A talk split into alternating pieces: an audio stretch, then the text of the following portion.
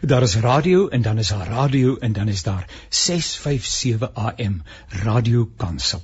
Wat 'n heerlike aankondiging en dit is absolute voorreg om vandag saam met jou te kuier.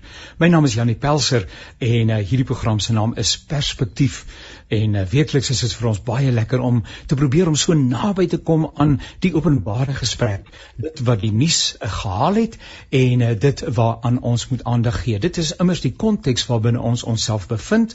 Ons is kinders van die Here, ons is Christene, ons het 'n stem, ons het 'n mening uh, en ons kan gedagtes wissel in die verband. En soms is dit selfs nodig dat ons 'n profetiese getuienis lewer.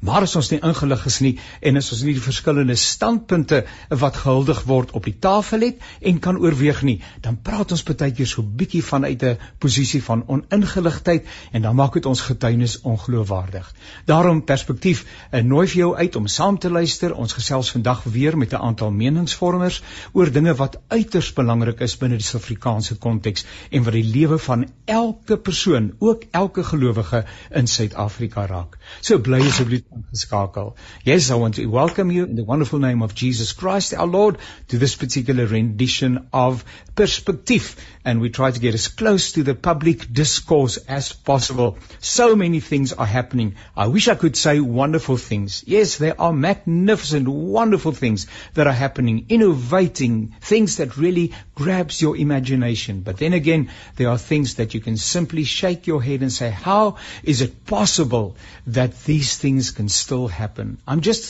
thinking of the taxi violence in the Cape. How is it possible that in order to secure whatever that you can take the life of another person. That simply doesn't make sense. Ek verstaan dit doodgewoon nie. Maar nou ja, dis die wêreld waarin ons woon en ons het respek en agting vir mense wat probeer om daardie partye rondom 'n tafel bymekaar te trek en ek het ook vanoggend gehoor oor die nuus uh, dat daar al verskeie sake van 'n moord in die verband ook uh, geopen is of praat ek nou van Phoenix? Die dinge loop ook so deur mekaar. Maak dit nie saak nie. Baie dankie dat jy ingeskakel is. Dis vir my 'n baie groot voorreg om te gesels met professor Dirk Kotse en uh, hy natuurlik is 'n politieke wetenskaplike analis en uh, jy vind sy naam baie dikwels in die media. 'n man wat ingelig is en wat vir ons gaan help om 'n bietjie saam te gesels. Professor Dirk gaan dit goed met u? Ja, nee baie goeiemôre, nee baie dankie. Dit gaan goed. Baie baie dankie dat u weer beskikbaar is vanoggend. Ek waardeer dit opreg. Professor Dirk, eh, kom ons begin. Daar's 'n paar dingetjies wat ek vanoggend sommer net so met u uh wil aanraak aanraak. Uh die eerste is uh, daar word nou vir 'n geruime tyd gepraat oor die moontlikheid van die wenslikheid van die noodsaaklikheid van 'n kabinetskommeling. Uh waar natuurlik meneer Ramaphosa uh die prerogatief het uh om dit uit te oefen al dan nie. Maar wat sou die agtergrond hiervan wees? Wel ek dink daar's twee oorwegings. Die eerste een is is dat daar gaan hoogs waarskynlik baie binnekort twee vakatures bestaan. Die een die eerste is die feit dat uh, die minister in die kantoor van die president Jackson Mthembu oorlede is as gevolg van die pandemie. Die tweede is dat hoogs waarskynlik die minister van gesondheid Willem Kise uit sy pos ontslaan sal word. Ehm um, en dis dis bloot 'n kwessie van tyd dink ek uh, is die meeste mense se aanname. Uh, so dis die eerste komponent daarvan. So daar gaan vakatures wees uh, wat gevul moet word. En uh, dis nie onmoontlik dat president Ramaphosa net bloot daai vakatures kan vul uh, sonder dat hy vrede gaan nie. Die die tweede oorweging is um om die die samestelling van die kabinet te verander. Wat hy in die die laaste keer gedoen het na die verkiesing, hy die kabinet verklein. Nou daar's baie mense wat glo dat die kabinet nog steeds te groot is en dat hy nog steeds verklein moet word veral op ook op die vlak van die adjunkministers. Want daar's 'n hele paar departemente of portefeuilles waar daar 2 of selfs 3 adjunkministers is. Ehm um, so dit is dis die een oorweging nog 'n oorweging wat ter sprake is. En dan is dit die van dat daar ministers is wat in die openbare gemoed ehm um, net nie goed genoeg vaar in hulle poste nie.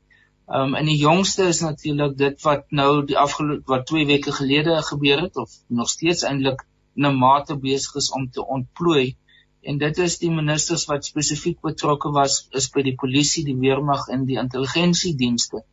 Um en dat hulle word daarvan beskuldig dat hulle bloot net nie hulle hulle werk goed genoeg gedoen het om so daardie die opstand of die ontplooiing en die op en die verbranding en die ontstigting wat daar plaasgevind het in KwaZulu-Natal um, om dit of te kon voor, voorspel en verhoed ja. of dit genoeg inligting te gee sodat dit uh, so min as moontlik skade kon verrig of natuurlik self effektief tydens daardie opstand uh opgetree het daar is uh hmm. by mense die gevoel dat Suid-Afrikaanse polisie diens en ek weet dit is so onredelik om mense sommer so oor een kam te skeer uh, maar dat hulle nie doeltreffend genoeg was nie maar uh, uh, uh, uh, uh, ek herinner my so ek weet nie hoe onlangs dit gebeur het nie maar dat daar tyd was waar um, in die media uh, jy byvoorbeeld sou gekry het dat ministers so bietjie ge, ge uh, bepunt word so uit 10 uit die een sou 4 presteer en die ander een 7 en dies meer. Nou die genoemde ministers, die een van verdediging en van 'n nasionale intelligensiediens uh en dan ook nou uh, die minister van polisie uh Bekkie Cele. Ehm um, ek dink dis eintlik die, die manne wat op die oomblik ter sprake is en dan natuurlik die minister van gesondheid wat bietjie op 'n ander vlak lê, maar rondom die gebeure uh van die afgelope weke Ehm um, u eie beoordeling as ek u mag vra, uh, dink u dat uh, daar sin daarin is? Het die manne het nie en en die dame het nie gepresteer soos wat 'n mens sou verwag nie en en is dit geregverdig dat hierdie oproep kom onder andere vanuit oppositiegeleedere? Ja, dit is definitief geregverdig en uh, ek gegeewe die impak wat dit het op ons almal, né? Ehm uh, al is 'n mens woon mense nie noodwendig in een van die twee provinsies nie, die die impak wat dit op die siege van Suid-Afrika het, die impak wat dit het op die vertroue in die regering in die algemeen, die skade wat aangerig is. Um, uiteindelik is dit die openbare leierskap wat verantwoordelikheid daarvoor moet, moet neem. Al was hulle nie noodwendig direk daarbey betrokke gewees nie, is dit nog steeds die aard van politieke leierskap uh, van verkose persone van 'n regerende party, ehm um, dat hulle die politieke verantwoordelikheid daarvoor moet neem. So dit in daardie opsig is daar definitief 'n 'n ek sou sê 'n regverdigheid in die feit dat daar gevoel word dat die dat daar definitief 'n tekort was byvoorbeeld in die eerste instansie by die uh intelligensiewerk wat gedoen moes word. En want intelligensie is nie daar net daar om inligting te gee aan mense op die grond wat soos die polisie of die weermag nie. Maar dit is ook 'n veronderstel om 'n vroeë waarskuwingsmeganisme te wees om voor die tyd reeds te weet dat te weet dat daar en inligting te versamel dat so iets in die pipeline is en dan en, verkieslik om dit te kan verhoed. Ehm um, nou dit het natuurlik niks daarvan het uiteindelik plaasgevind nie. En ja. tweedens dan om operasionele inligting te gee van as 'n situasie besig is om te ontvou, hoe om dit die bes op die beste moontlike manier te kan bestuur en te kan uh te kan die die skade en die verspreiding daarvan so effektief moontlik te kan stop of te beperk. Nou baie min daarvan het ook plaasgevind. So die in die eerste instansie dink ek dit is mense het almal die publiek het die reg om te sê die intelligensie funksie van die regering het nie gewerk nie in hierdie omstandighede nie. Ja. Ehm um, die die tweede aspek daarvan is dan waar veral die polisie in die eerste instansie te sprake gekom het. Ehm um, waar die polisie ons geval het is is op 'n baie vroeë stadium reeds. En dit is sou ek sê het begin by die bymekaar kom van 'n redelike klomp mense by 'n kantla die naweek van tevore.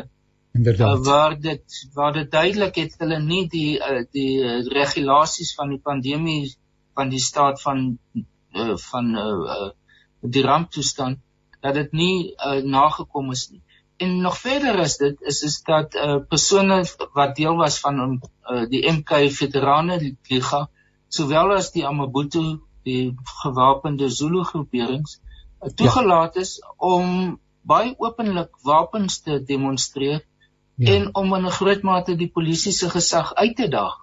En ek dink na my mening het dit die die gebrek aan aan gesag van die polisie ontbloot en dit het gelei tot die dit wat daarna gevolg het um op die N3 wat geblokkeer is die ja. die vragmotors wat begin aan die brand gesteek is die die groot uh uh, uh, uh winkelsentrums wat toe aan die brand gesteek is. So dit was na my mening dis waar die polisie in die eerste instansie geval het. En daarvoor moet verantwoording gedoen word. Um en dit dit eindig uiteindelik, ek meen dit dis nie net die minister nie, die minister het 'n hele struktuur rondom agter onder hom wat die ja. nasionale kommissaris insluit en ander, maar dit eintlik die politieke verantwoordelikheid eindig by die minister. Ek eh, dink jy dat meneer Ramaphosa die politieke wil het, dalk is dit die verkeerde woord. Ehm um, sou dit wys wees vir hom op hierdie stadium wel so 'n verandering uh, in die kabinet teweeg te bring, 'n uh, radikale verandering skuwe te maak ehm um, in die lig daarvan dat ehm um, 'n mens nog steeds die Zuma faset het en dan het 'n mens die naderende uh verkiesing uh, vroeg aanstaande jaar al die dinge wat 'n mens teenoor mekaar moet opweeg. Ek dink ons het geleer van president Ramaphosa dat hy nie radikale skuwe maak nie. Hy nie, hy maak skuwe wat redelik oorwoe is, wat sommige sal sê strategies van aard is en wat al hierdie faktore wat hy nou genoem het in ag sal neem. So dit is ek dink nie mense kan verwag dat byvoorbeeld al drie ministers gelyktydig afgedank gaan word of na in ander posisies geskuif gaan word nie. Ek dink hy gaan selektief wees daarmee Ehm um, en hy gaan moontlik ook na ander persone in die kabinet kyk ehm um, wat uh, nie noodwendig presteer soos wat hy verwag nie. Ehm um, so dit is maar weer eens ek dink nie mense daar moet 'n verwagting bestaan dat dit 'n radikale verandering van die kabinet gaan wees nie. Ehm uh, presidente is geneig behalwe president Ramaphosa, ag, president Zuma president Mandela sowel as president Mbeki het nie radikale veranderings aan hul kabinette aangebring. So daar is nie 'n sterk wel na verkiesings, maar nie ja, in die ja. periode ja. tussen verkiesings nie. So ja, die ja. sogenaamde kabinetskomings nie. So president Ramaphosa tot dusver steeds 2019 toe hy verkies is, het ook nog nie werklik skuwe in die kabinet uh, ingebring. So ek ek dink nie ons moet die verwagting hê dat daar groot skuwe gaan wees nie. Wat hy kan doen is hy veral om persone heeltemal uit die kabinet uit te haal. Hy kan persone miskien skuif na ander uh uh portefeuilles toe. Ehm um, so ek dink dis wat mense in gedagte het. My verwagting is is dat die minister van staatsveiligheid wat dan intelligensie is, ja, waarskynlik die die primêre teiken gaan wees vir so iets. Ehm um, en dan die minister van polisie Beketele, hy gaan ja. waarskynlik 'n ander plan met hom uiteindelik hê want die een van die belangrike redes is is dat as mens net in terme van die die interne situasie en dit is nie ek dink mense maak die fout om te sê dit is dis dis 'n probleem van die ANC dis 'n probleem wêreldwyd waar 'n regeringsleier moet altyd in gedagte hou waar hy staan in verhouding tot sy eie party want dit is die dis die liggaam wat aan daardie persoon sy mandaat gee Ja. So dit die twee kan nie van mekaar geskei word nie ten, ten spyte van wat die publiek sê. Um en wat hier in hierdie geval is is dit dit gaan 'n absolute perfekte storm tot stand bring. As ons as as Beketele afgedank word, as Zweli Mkhize as minister van gesondheid afgedank word wat baie moontlik is. Ja. Bo-op die gebeure van president Zuma. Ja. Dink net vir 'n oomblik watter effek gaan dit hê op mense ja. wat in KwaZulu-Natal woon? So ja. hy gaan daai daai daai persepsie gaan hy moet bestuur en dis hoekom ek dink Beketele vir die onmiddellike miskien nie aan aan geraak gaan word nie, maar later miskien. Ek het uh, vanoggend uh, uh, geluister uh, iewers op 'n radiostasie. Uh, ek het aan die begin van die program daarna verwys, uh toe daar gepraat word oor die uh, taxi geweld uh, in die Wes-Kaap uh en uh, nagenoeg 70 mense wat al die lewe verloor het as dit nie meer is nie sedert die begin van hierdie jaar. En die woordvoerder het toe die woord gebruik they will face the full might of the law. Uh, wat my met 'n stukkie skeptisisme gevul het. Uh, en ek wil nie onredelik wees nie maar ek het onmiddellik vir myself gesê ja ek het dit al gehoor. Nou met verwysing na dit wat die afgelope weke gebeur het uh, het meneer Ramaphosa ook by meer as een van die familievergaderings melding gemaak daarvan uh, dat hierdie dinge uh, duidelik opgevolg sal word en so aan dit ten spyte lyk dit nie vir my uh, is daar op hierdie stadium 'n kommissie van ondersoek nie. Ek sien die DA dring daarop aan dat daar ondersoek moet gedoen word. Meer as 300 mense het die lewens gelaat. Uh daar is op hierdie stadium behalwe as ek dit gemis het, nog nie iewers 'n uh, 'n betekenisvolle naam uh, van 'n uh, 'n kardinale rolspeler iewers genoem uh, of enigiets van daardie aard nie. Ehm um, is daar iets besig om te gebeur of word mense beskerm of hoe moet 'n mens 'n uh, uh, uh, oue tog 'n halwe gevoel maar luister, jy wil tog uh, die gevoel kry dat die dat die reg sy loop neem in Suid-Afrika en dat hierdie mense duidelik kennis neem maar julle kan nie maar net doen wat julle wil nie. Dink nou maar net aan hoeveelheid skole wat verwoes is. Nou word drank en yskaste en al sulke dinge, ek verstaan dit herwin, maar dit aan die einde van die dag uh, die die mense wat daar agter sit uh, nou uh, waar pas hulle dan nou in? Ja, nou, ons het gehoor dat oor die 200, ek weet nie wat die jongste syfer is nie, maar oor die 200 mense gearresteer is en dat van hulle vervolg word. Ehm uh, dis nie noodwendig die sogenaamde 12 hooffigure nie.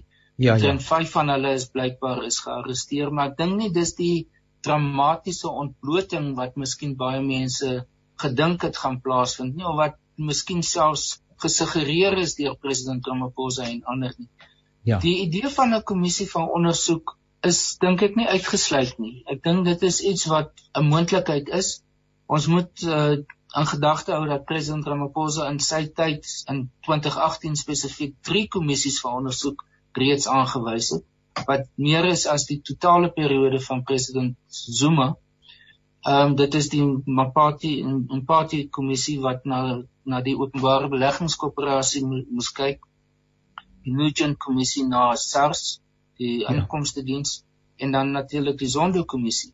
Ja. Ehm um, so dit is nie asof president Ramaphosa weg nie 'n uh, ja. soort van 'n 'n weerstand het teen die idee van kommissies nie. Ehm um, ek dink die die die kommissies in die algemeen het nie noodwendig 'n goeie reputasie as 'n effektiewe meganisme om resultate te lewer nie. Uh dink byvoorbeeld aan die Seriti kommissie oor die wapentransaksie. Uh van 2011 of die Falem kommissie oor Marikana wat almal hulle verslag gelewer het. Ehm um, maar dis nie in groot mate nog nie geïmplementeer nie. Die Seriti kommissie se verslag is byvoorbeeld is is dit deur 'n hof tersyde gestel. Ja. Ehm um, die regter hier se kommissie oor die vrye onderrig is uiteindelik nie geïmplementeer nie want president um, Zuma het 'n aankondiging op sy eie in Desember 2017 gedoen wat eintlik ja. dit in 'n groot mate on uh, of irrelevant gemaak het. So ja. die, die die die probleem van kommissies is is dat hy neem hulle neem lank gemiddeld tussen 2 en 3 jaar. So as mense 'n vinnige reaksie wil hê, ja, dan ja. is 'n kommissie nie die werklike 'n goeie instelling daarvoor nie. Want almal van hulle word word voorgesit deur regters. En ons weet regters neem hulle tyd om ah, en ons kyk byvoorbeeld na regter Zondo wat regtig baie tyd neem om na die detail na toe te gaan. Nou ja. as dit die behoefte is, ja, dan gaan 'n kommissie vir ondersoek die regte instelling wees. As dit die behoefte is dat daar 'n vinnige vir relatief vinnige reaksie moet wees om te kom by die punt van uh van uh, gevolgtrekkings maak, dan is hofsaake 'n beter opsie om te neem. So dit uiteindelik gaan dit afhang van wat wat wil die publiek hê? Wil hulle diep insig hê in wat is die agtergrond, wat is die moontlike motiewe gewees en om 'n soort van 'n historiese begrip te kan ontwikkel van wat die afgelope tyd gebeur het? Of gaan dit meer oor om die persone wat beskuldig is en wat aandadig was aan dit om hulle te kan so vinnig as moontlik te kan identifiseer soos ek nou genoem het, is daar verskillende meganismes daarvoor. Ja. Professor Dirk, ons so baie baie dankie. Dit is altyd so aangenaam om u te gesels. Dis 'n leersame ervaring. 'n Seënwense vir die dag, vir die week wat voorlê. Pas jou mooi op uh in die nabye toekoms te gesels ons weer. Baie dankie. Dankie. Totsiens. En so gesels professor Dirk Kotse, hy's 'n politieke wetenskaplike analis en dit is hom so lekker nê nee, om met mense te kan gesels eh, wat hierdie dinge onder die knie het, wat hierdie dinge verstaan en wat vir ons leidinge die verband kan hê. En dit is nogal 'n interessante vraag wat uh, professor Dirk gevra het nê. Nee. Hy sê dit hang af wat die publiek wil hê. Nou uh, nou dit is natuurlik so moeilik om die publiek tevrede te stel want elke ander persoon het natuurlik sy eie idee van wat reg en wat verkeerd is en uh, en en van wat die aangewese is uh, om te doen. En uh, nou ja, hoe mense almal gaan tevrede stel, uh, natuurlik net die liewe Here kan dit doen en uh, hy dink ek is nie gaan uh, op hierdie stadium uh, dalk so tussen beide tree nie. Ehm um, maar uh, die inligting wat ons vandag hier gekry het veral rondom die kabinetskommeling en dis meer is uiters uiters belangrik uh, dat ons dit sal volg. Uh, dit word wyd in die media gedek en uh, professor Dirk het vir ons 'n aanduiding gegee van hoe hy dink meneer Ramaphosa op hierdie stadium rondom die druk wat daarvan uit oppositiegeleedere uh, uh dan ook uh, uh, ge, uh gelewer word uh dat ehm uh, uh dat uh, uh, meneer Ramaphosa uh, waarskynlik nie voor die volgende verkiesing sulke dramatiese skuwe sal maak nie. Dit sluit nou nie van Unakise in en uh, ook die ander persoon na wie professor Dirk verwys het nie. We can listen to some music. I'm waiting for our next participant and uh, it really is wonderful uh, to have people that know and that can share their knowledge with us. But until uh, uh, Dr. Angelique Coetzee is online, let's listen to a provider, and it's uh, Josh Ruin that's singing the song. Nou ja, dit is altyd natuurlik wonderlik om te weet dat die Here die een is wat vir ons voorsien en dit was Roan Josh. Ek het vir 'n oomblik uh, Josh Rowan gelees en toe het ek nou agterste voor aangekondig, maar dit was Provider en dis Roan Josh wat dit vir ons gesing het. En dis 'n wonderlike wonderlike stuk gerusstelling nie waar nie om te weet dat God die een is wat vir ons sorg. Uh ons het uh, hier uh, buitekant ons huis trouens uh, by al die huise waar ons gewoon het en dit was nou 'n hele klompie het ons elke keer so 'n bord wat ek en Suzette my ander helfte gemaak het en uh, op daardie bord staan daar God sal sorg. God will provide. God will undertake. And it's our testimony that not only that we believe that God will undertake but that God undertakes indeed. And we can really witness to the fact that over so many many years uh, God has been uh, faithful and uh, it really is such a wonderful privilege uh, to know him. So that was Ruan Josh provider and I'm sure that you have agreed with uh, what he has testified to in that particular uh, song. Thank you Ruan. That was nice listening to you. Nou hier het ek nou vir Dr Angelique Coetzee sy is ook iemand met wie ons graag saamkuier gereeld saamkuier. Sy is in privaat praktyk uh dis ek moet haar altyd by haar pasiënte gaan haal uh, wanneer ons gesels. Uh en dit was nou nie anders nie. Ek waardeer dit sy uh gou die tydjie kan afknyp. Sy's ook die voorsitter van die Suid-Afrikaanse Mediese Vereniging. Uh Dr Angelique hoe gaan dit met u? Hoe gaan dit met die dokter? Goed met die dokter. Ons uh ons dokter die ander pasiënte. Maar die dokter word seker die dokter weet seker Die dokter weet seker van al die geheime medisynetjies en so aan en bly altyd blakend gesond. Want dit is soos die skoenmaker wat sy kinders nooit skoene het nie, maar uh, ja, jy. Dr Angelique, uh, ons is nog lyk nie vir my by verre deur of naby deur hierdie stryd waarmee ons uh um uh, gekonfronteer word die van COVID nie en dit is so ontstellend alhoewel ek hoor mense sê ons kan dalk oor die kruin wees alhoewel in die Oos-Kaap is dinge besig om te ontwikkel maar uh, wanneer mense uh, en ek het baie vriende en kennisse en mense met wie ek identifiseer op Facebook en dit is bykans die een na die ander afskeid en 'n uh, hartseer verhaal van 'n geliefde van 'n familielid van 'n vriend of vriendin 'n kollega uh, wat die lewe gelaat het. Dis dan is 'n verskriklike hartseer tyd waarin ons lewe, nie waar nie? Dit is so. Ehm um, ek is waarskynlik geseënd. Ek het regtig nog net ehm um, twee pasiënte van myself uh, weet in my spreekkamer verloor van oor die 500 wat ek gesien het. En ehm um, so dis amper ons het minder as 20 mense laat opneem. So um, ons doen glad nie sleg met ons COVID pasiënte nie. Mense is daarvoor baie dankbaar. Uh, wat is die stand van sake op die oomblik? Sommers so holisties uh, oorkoepelend uh, gespreek wat, wat dan nou spesifiek dan nou hierdie uh, Delta variant betref. Ehm um, is kan ons vir hom begin groet en en en en waai uh, of uh, of is hy nog die ou wat uh, vir ons uh, die die narratief voer? Dink nie ons gaan hom nou al kan groet nie. Hy is nog steeds hier so met ons. Ehm um, wat ons dink wat vorentoe nog gaan gebeur is binne die, so ek dink ehm um, so nog so 3 4 weke dan behoort ons eers regtig te begin sien of dit afneem. Uh ons maak nog steeds diagnoses van pasiënte, dis baie minder. Ehm um, met hierdie koue weer wat ons nou in Gauteng gehad het, is van die mense ehm um, meer sieker maar dit het nou ongelukkig kry hulle dan 'n tipe asmatiese bronkietis of 'n of 'n bronkietis beeld by. Ja. Ehm ja. um, wat dit moeiliker maak om hierdie ouens dan ehm um, uh, uh net sommer by die huis te behandel, maar jy weet as die pasiënt en ek wil vandag 'n beroep op die pasiënt te doen.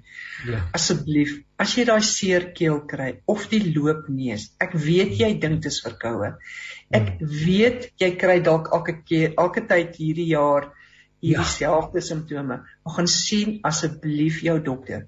Die een probleem wat ons besig is om op te tel, mense loop te lank.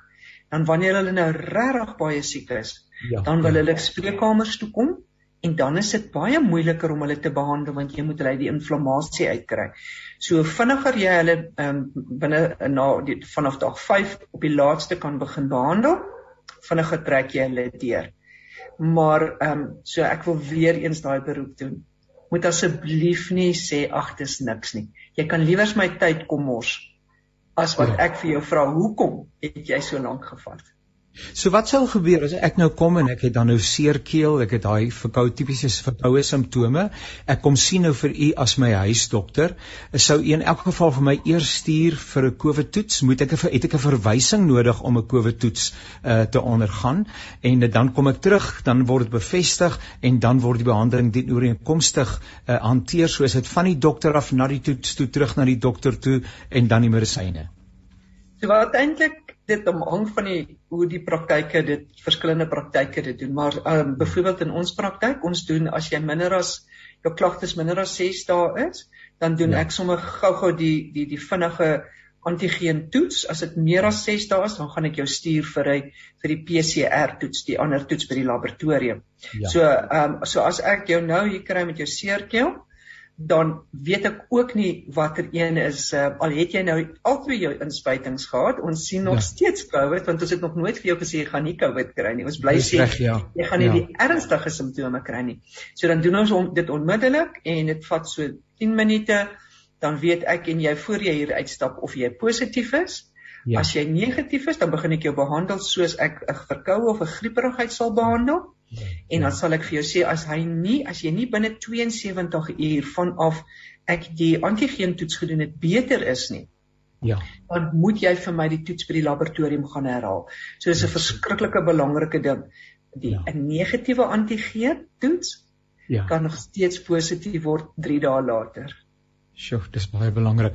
Nou, die afgelope paar dae was bitterkoud en dit lyk vir my asof die weer eh, hier na die einde van die week toe 'n bietjie gaan optel en die volgende week eh, is daar ook redelike goeie, ek praat dan nou in terme van warmer weer. Uh die virus en weeromstandighede, uh, het hulle met mekaar iets te doen of steur hy hom hoegenaamd nie aan koue of warmte nie?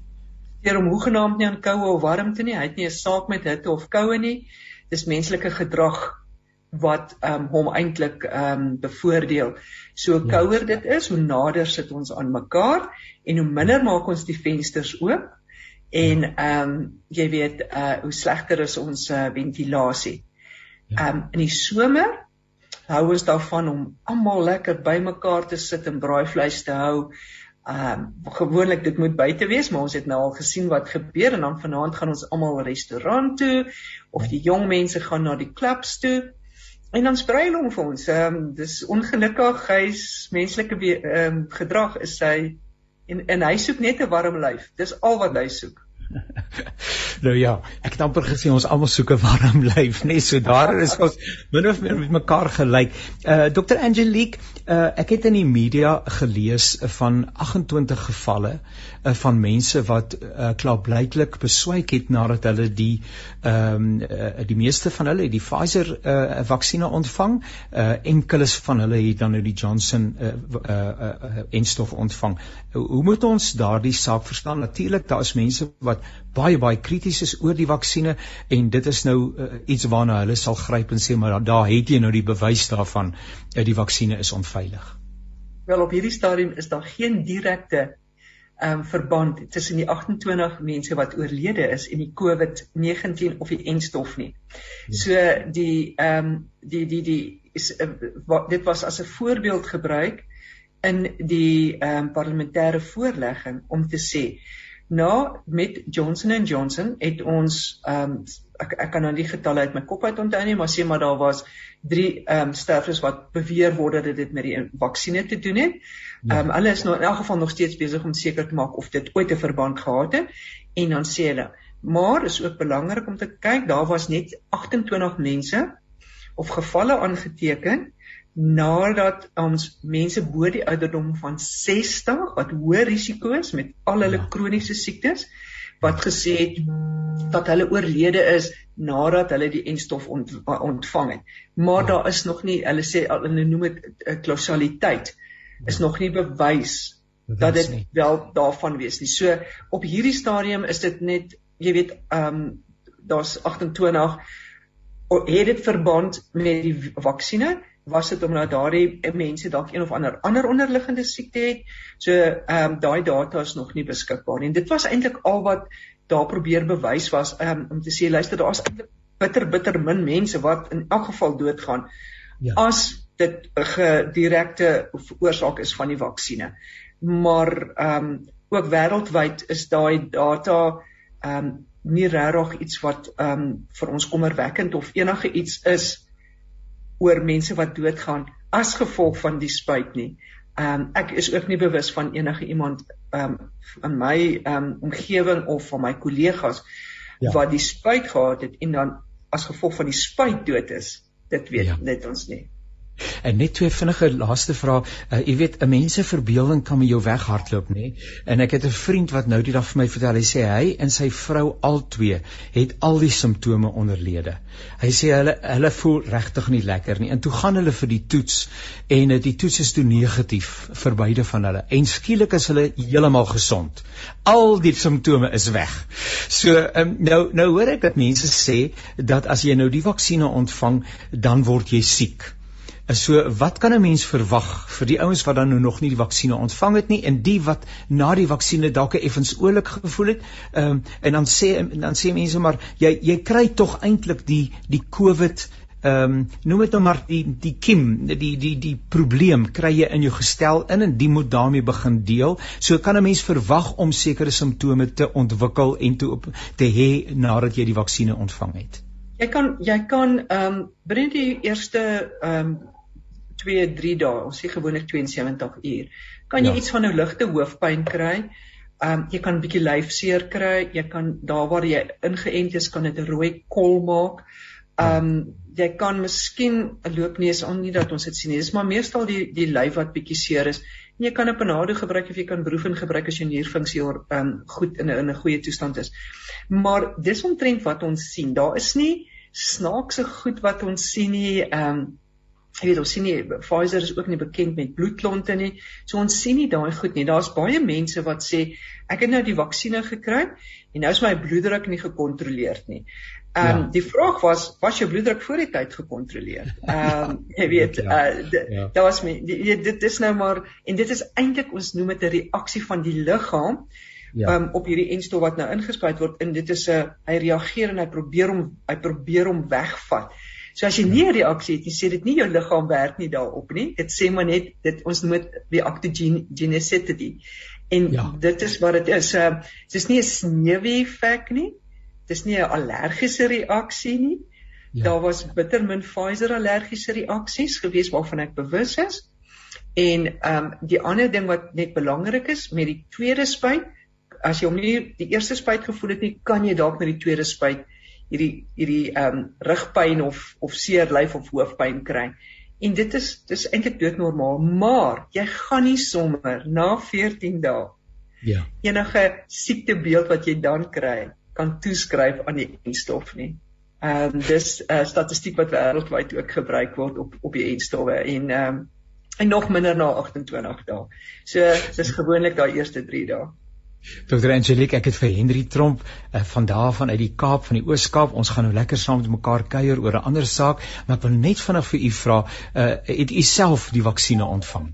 Ja, ek het hom self ontvang en glo my ek het die volgende dag die hoofpyn gehad. So ek ek weet dat my pyn voortyd werk.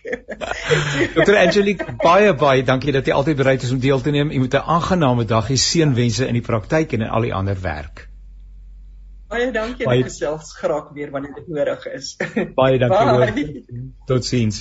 Nou ja, so gesels Dr. Angelique Kutse en sy is die voorsitter van die Suid-Afrikaanse Mediese Vereniging. Sy self in praktyk en sy is die dokter en sy is 'n wetenskaplike en sy het die enstof ontvang.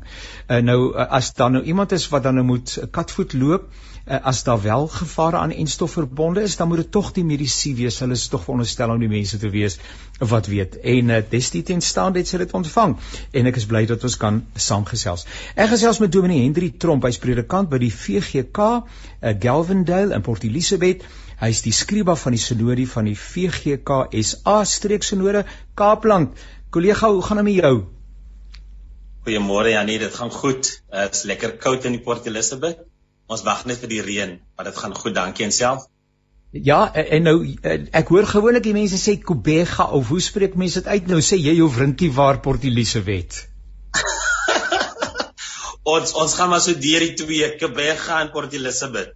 Ja, ja, maar dit daar het 'n bietjie gereën, nee, so ek het gehoor daai daai groot krisis is 'n bietjie afgeweer, maar daar moet daar's opvolgreën nodig, nê, nee, 'n paar dae se opvolgreën. Nee, absoluut. Ek dink ons is dankbaar vir die reën wat ons gekry het, maar ons vertrou nog vir nog groot reën om te kom sodat ja. ons hierdie groot groot saak wat voor ons staan kan afweer. Ja. Sjoe, my Henry, die wind kan hom waai in daai plek van julle. Mens, kom ek het al beteken daar met 'n vliegtyg geland dat ek nie gedink het uh, ons gaan die aanloopbaan uh, op hom land nie want ek het ges, ek het myself verbeel die wind waai ons heeltemal af. Ja nee, absoluut, absoluut. Ek dink dis 'n is 'n gesonde plek waar die wind so waai, by al die siektes weg. Hendrie, kom ons praat 'n bietjie oor eh, want die Oos-Kaap het ook sy 'n uh, eh, deel van die uh, heel onlangse opstande en uh uh plundery en ongelukkigheid en spanning en noem maar op uh, beleef um uh, Ek het gewonder jy wat nou uh, daar uit daai omgewing uitkom en wat self 'n predikant is in die VGKSA en dis weer jou eie verstaan 'n uh, eh, uh, opsomming belewing uh van dit wat in die afgelope en dis weliswaar nou al sekere week of 2 weke gelede maar dit is tog nog baie voorop in die verbeelding en in die geheue van uh Jan publiek. Jou eie verstaan van wat hier afgespeel het en dalk steeds afspeel. Ja, ek ek ek moet begin deur te sê dat ehm um, die gebeure wat vir ons afgespeel het, ehm um, so 2 weke of wat gelede, was natuurlik hartverskeurende geweest. En as 'n mens nou begin lees en begin sien die geweldige skade op verskillende vlakke wat dit gebring het, veral ook ekonomiese vlakke wat dit vir mense gebring het, is dit verskriklik hartseer. Ehm um, as 'n mens kyk na hoeveel mense verloor het ook in hierdie tyd ek dink wat vir my treffend is as 'n mens lees van die skade aan geboue, aan infrastruktuur, aan mense ehm um, se se se werk wat hulle ingesit het om hierdie geboue en besighede op te bou. Wat vir my tref in hierdie uh ehm um, inligting wat 'n mens kry, is die feit dat dit gaan nie net hier oor 'n gebou nie. Dit gaan hier oor mense se lewens. Dit gaan oor eienaars wat hard gewerk het om 'n besigheid op te bou. Dit gaan oor werkers wat ingesit het om te help bou aan die besigheid. En dit gaan hier oor 'n familie se brood en botter. Mense ja. se lewens bestaan wat aangetast is en so die prys van hierdie onluste is vir my baie groot nie net op ekonomiese vlak nie maar ook die emosionele wroging wat mense deurgaan en veral die lewens wat in hierdie tyd verlore gegaan het ek dink die mhm. die minister van in die presidentskap het genoem verlede week van 337 lewens wat verlore gegaan het in hierdie tyd as gevolg van hierdie onluste.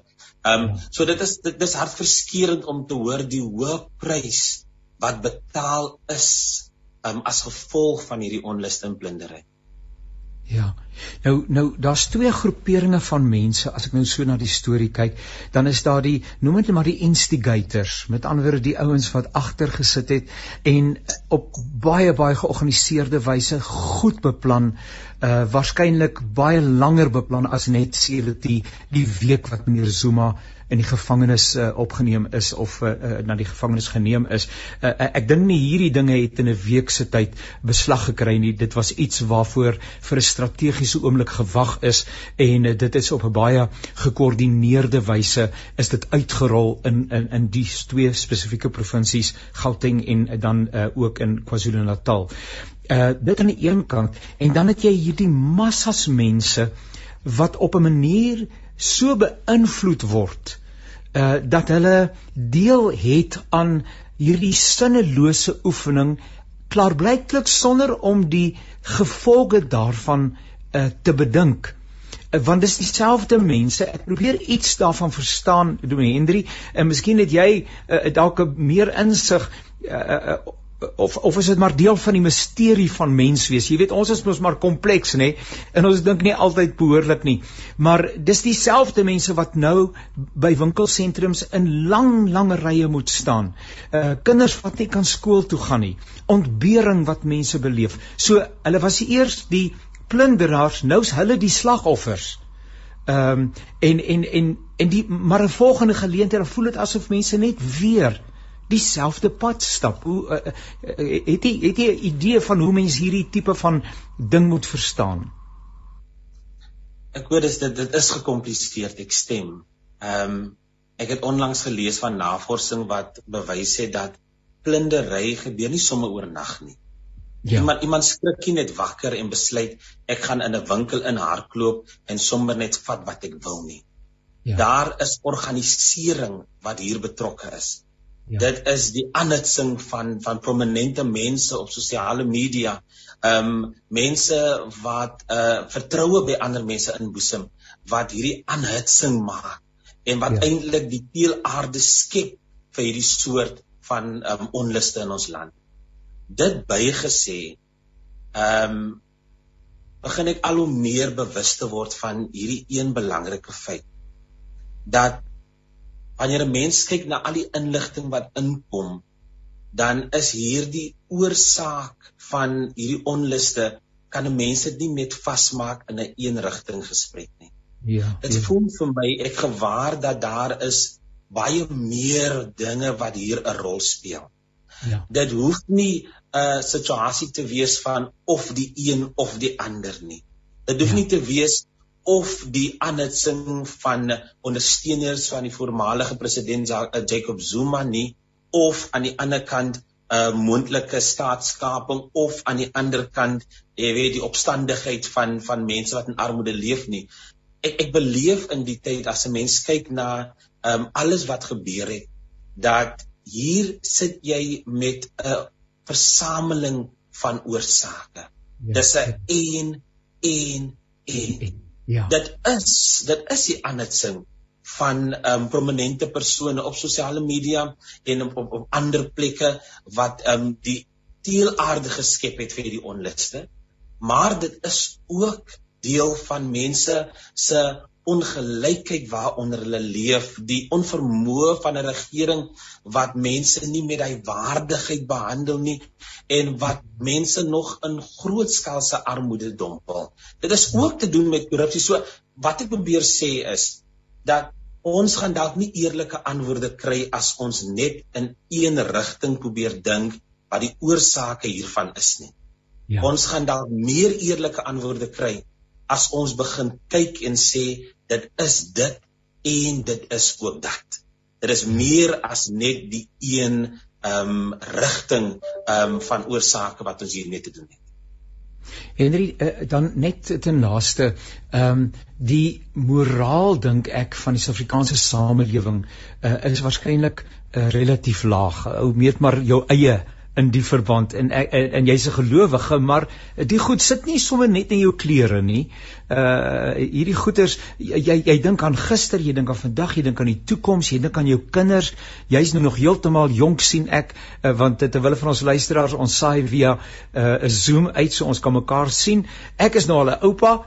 Jy dink aan jou kinders, jy dink aan jou kleinkinders, jy dink aan die toekoms, jy dink aan die mense. Ag jy dink aan al hierdie goeters. Wat gee vir 'n mens hoop? uh wat jou weer laat opstaan en sê ek glo nog steeds die heel beste. Ja. Ek moet eerlik sê ehm um, veral met die gebeure wat afgespeel het op die TV wat ons gesien het. Was daar 'n paar aksies wat in my hart hoop gewek het. Ja. Dit dit was dit was die die die eenvoudige gebare van gewone mense wat na winkelsentrums toe gegaan het en ja. wat begin het skoonmaak het. Inderdaad. Mense wat oor hierdie land reg oor hierdie land saam gebid het, wat nie gebed gesien het as 'n magtelose passiewe aksie nie, maar wat gebed gesien het as deel van die oplossing.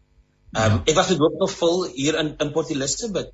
Ehm um, toe die pastore en die predikante saam ehm um, rondom 'n Zoom gesprek gesels oor wat kan ons doen? Jy ja, weet, ja, ja. ek was bedoop gevul toe die toe die taxi vereniging hier in Port Elizabeth self besluit het om deel te wees van die oplossing en en en en saam uh, by winkelsentrums wag te doen om seker te maak dat hierdie tipe geweld en onluste nie oorspoel nie. Ek ja. was veral met hoop gevul toe ek sien dat die onluste wat gebeur het in sekere dele van die land dat dit nie oorgespoel het in die volle Suid-Afrika nie. En dit het my hoop gevul dat ja. die grootte meerderheid van mense in die land wil in vrede en in harmonie saamleef.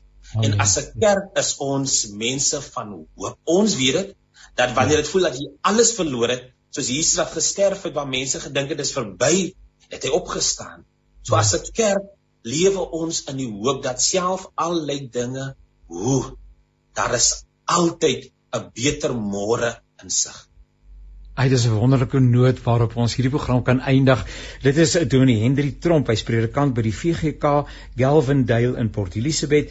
Hy is die Skriba Synodie. O, dis baie werk om 'n Skriba te wees, my broer. Sterkte, sterkte daarvoor. O, en kan nie kan nie kollegas praat nê? Nee? En alles moet notules toe in besluitregister. Baie baie met daai werksamehede van die VGK SA Streek Synode Kaapland Hendrik was lekker om jou te kuier. Ons doen dit weer in nabye toekoms toekoms. En mag die Here vir jou ryklik seën. En daarmee ook aan ons luisteraars baie dankie vir die saamgesels. Dit was 'n groot groot voorreg. As die uh, Here se wil daarby is dan kuier ons volgende week weer saam met mekaar hierdie program al die ander programme of baie van die programme van Radio Kansel. Ook naweek aktueel waar ons ook oor aktualiteite gesels is beskikbaar as 'n potgooi by www.radiokansel.co.za tot 'n volgende keer. Alles wat mooi is